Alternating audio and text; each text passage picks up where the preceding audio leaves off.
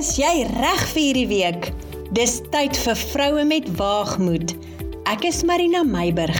Skep saam met my nuwe moed uit God se woord.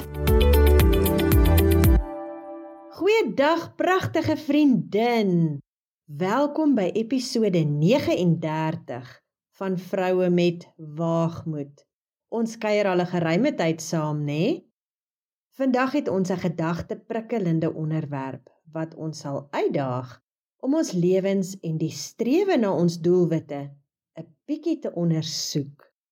Trek jou notaboekie nader want ons gesels oor voorraadopname of dan die alombekende term stock taking. Ons gedagte kom vanuit die boek Filippense, hoofstuk 3 vers 14. Dit lees: Maar een ding Ek vergeet die dinge wat agter is en strek my uit na wat voor is en jaag na die doel om die prys te verkry van die hoë roeping van God in Christus Jesus. Hierdie vers trek die idee pragtig uit dat ons as volgelinge van Christus die doelwitte en doel wat God spesifiek vir elkeen van ons ontwerp het, aktief moet nastreef. In 'n wêreld wat verteer word deur die strewe na sukses, roem en materiële besittings, is dit maklik om ons ware roeping uit die oog te verloor. Vriendin, waarmee is jy besig? Waarop fokus jy hoofsaaklik in jou lewe? Ons kuier mos nou nie in 'n geselskap wat jy voel jy moet jou beste voetjie voorsit nie. Nee, Skryf daar in jou eie boekie eerlik en opreg neer waarmee jy besig is. Onthou, ons neem voorraadopname vandag. Ons wil by ware syfers uitkom. So, kom ons voeg sommer dadelik die daad by die woord en neem 'n oomblik om bietjie voorraadopname of dan stocktaking te doen in ons lewens. Jy skryf in jou boekie, Susan skryf in haar boekie, Esther in hare, Suzette in hare en ek het reeds in myne geskryf terwyl ek voorberei het. Hou jou boekie privaat sodat jy blaatant eerlik kan wees as jy dalk 'n bietjie skaam voel oor iets teenoor ander mense. Dis nodig dat ek en jy 100% eerlik met onsself moet wees voor God want dan kan hy ons help om dit reg te maak. God werk nie met halfhartige harte nie. So maak jou hart oop met 'n hele hart voor hom. Kom ons begin skryf. Wat is jy mee besig? Wat jaag jy na? Onthou, ek sê elke week, Christendom is prakties, want ons leef dit elke dag in praktyk. So Wees prakties. Eerlik. Noem die ding op sy naam, kaal koppie waarheid, net soos dit is. Ons praat mos nou nie spreekwoordelik in wetenskaplike terme, Latyn of botaniese benaminge nie. Nee. Sê dit net soos dit is.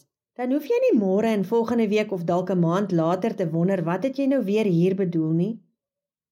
Jaag jy erkenning rykdom, prestasies.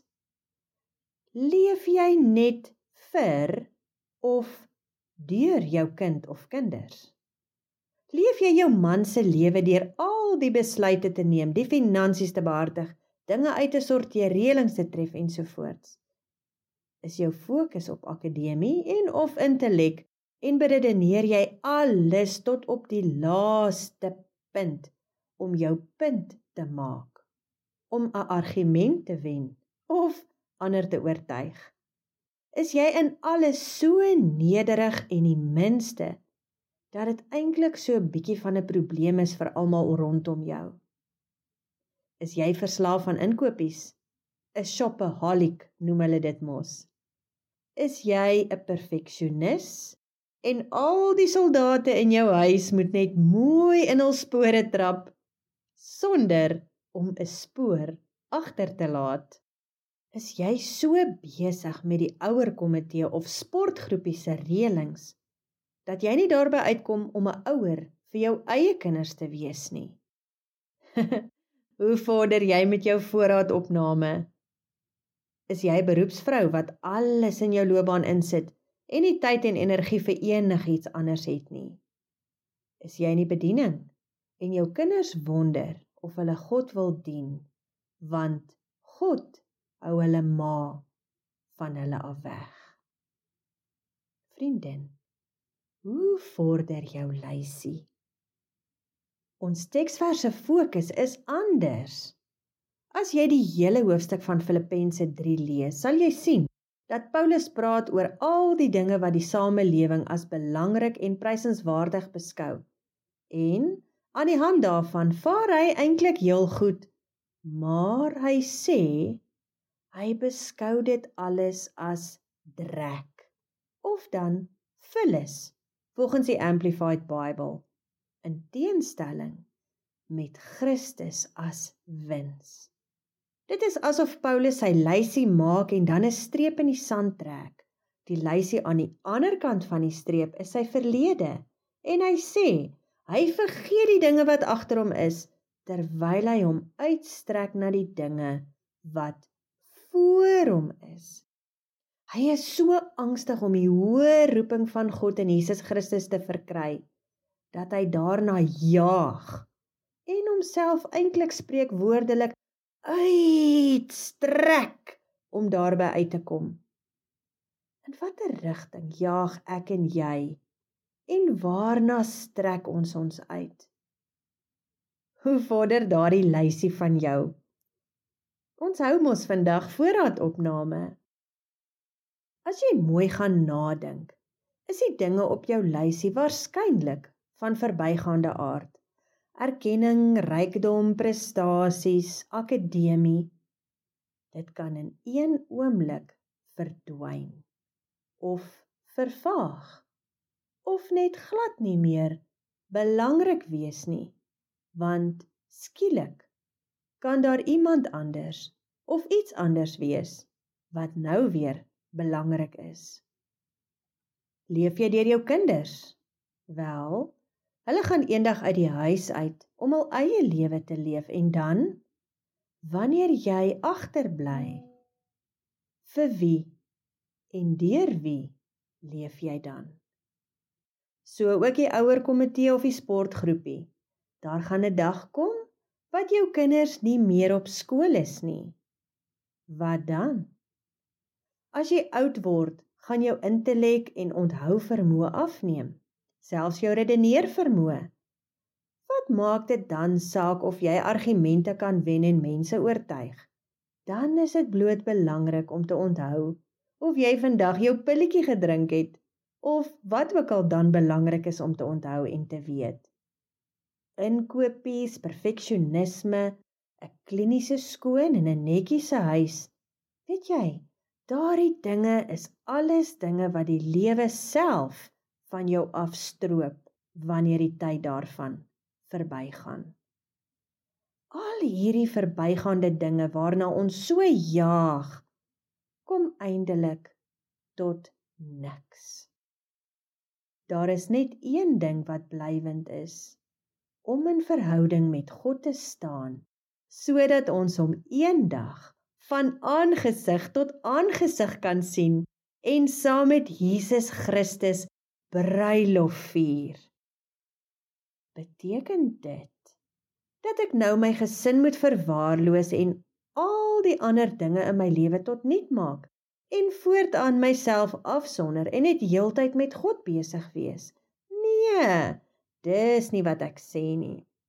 Dit is ook waar dat ons moet doen wat ons hand vind om te doen. Dis goed om te werk, Dis goed om 'n lewe te hê, getrou te wees, jou man se beste maat te wees, vir jou kinders die beste maat te wees wat jy kan, om betrokke te wees in jou gemeenskap en gemeente, ja, selfs ook om 'n loopbaan te hê is reg. Die klem is om die orde daarvan reg te kry, soos wat God dit bepaal en om 'n gebalanseerde lewe te lei waar jy God eerste stel en dan die ander dinge of mense in die regte volgorde na hom. In Psalm 139 skryf Dawid hoe God hom gemaak het en dan sê hy in vers 14: Ek loof U omdat ek so vreeslik wonderbaar is. Wonderbaar is U werke en my siel weet dit al te goed. Vriendin, God het jou vreeslik wonderbaar gemaak. Sy werk in jou is volmaak en hy het aan jou die gawes en talente gegee. Ja, selfs die droom in jou hart geplaas om te wees of te doen wat jy is of doen. Hy het jou op hierdie aarde geplaas om sy lig te laat skyn. Waar jou voete loop, jou hande vat, waar jou woorde val, waar jy is. Ek en jy moet net ons lewe daarvolgens instel sodat ons op die pad kan stap waarvoor God ons geskep het met hom as ons hoof fokus maar om nie die ander dinge in die lewe heeltemal uit die oog te verloor nie. Dis die balans waarna ek verwys het. So, kom ek en jy erken God in ons lewe. Kom ons erken en aanvaar sy roeping oor ons lewe en maak seker dat ons drome en ambisies in lyn is met wat God in ons harte geplant het terwyl ons die mense wie hy in ons lewe geplaas het, jou man, jou kinders, familie, jou vriende, kollegas, wie ook al, op die regte plek in God se orde plaas en hulle hanteer soos hy van ons verwag.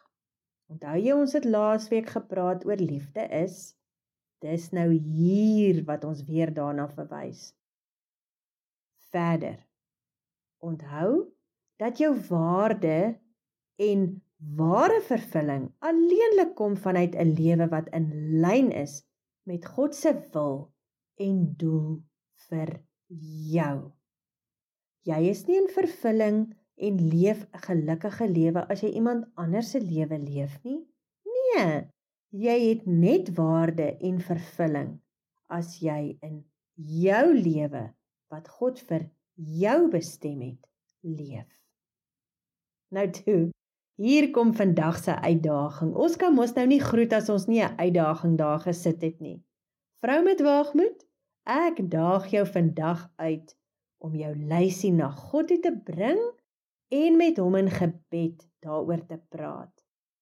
Jy weet sommer klaar watter dinge op jou lysie die vervaldatum bereik het en dalk van verby is. En jy weet ook dat dit daardie dinge is wat jy van jou lewensrak sal moet verwyder. Dan is dit nou die tyd om dit te doen. As dit jou in 'n moeilike situasie plaas, vra dat God vir jou wysheid en insig gee om dit reg te hanteer en ook dat hy vir jou die pad sal gelyk maak en guns gee as dit ietsie is wat jy moet gaan uitsorteer. Ek daag jou uit om prakties te werk te gaan met jou lysie. Merk die dinge af soos jy vorder en as dit waag moet verg om met iets op jou lysie te deel, dan moedig ek jou vandag aan. Waag dit. Vertrou God en waag dit. Daar is 'n roeping in Jesus Christus om uit te leef en 'n prys te verkry. Niks in die lewe is onmoontlik nie. Moeilik dalk, maar nie onmoontlik nie. Mag God jou versterk en jou bekragtig met waagmoed en deursettingsvermoë wanneer jy jou lysie aanpak. Mag hy jou seën met wysheid en insig en jy genade en guns vind by alle mense.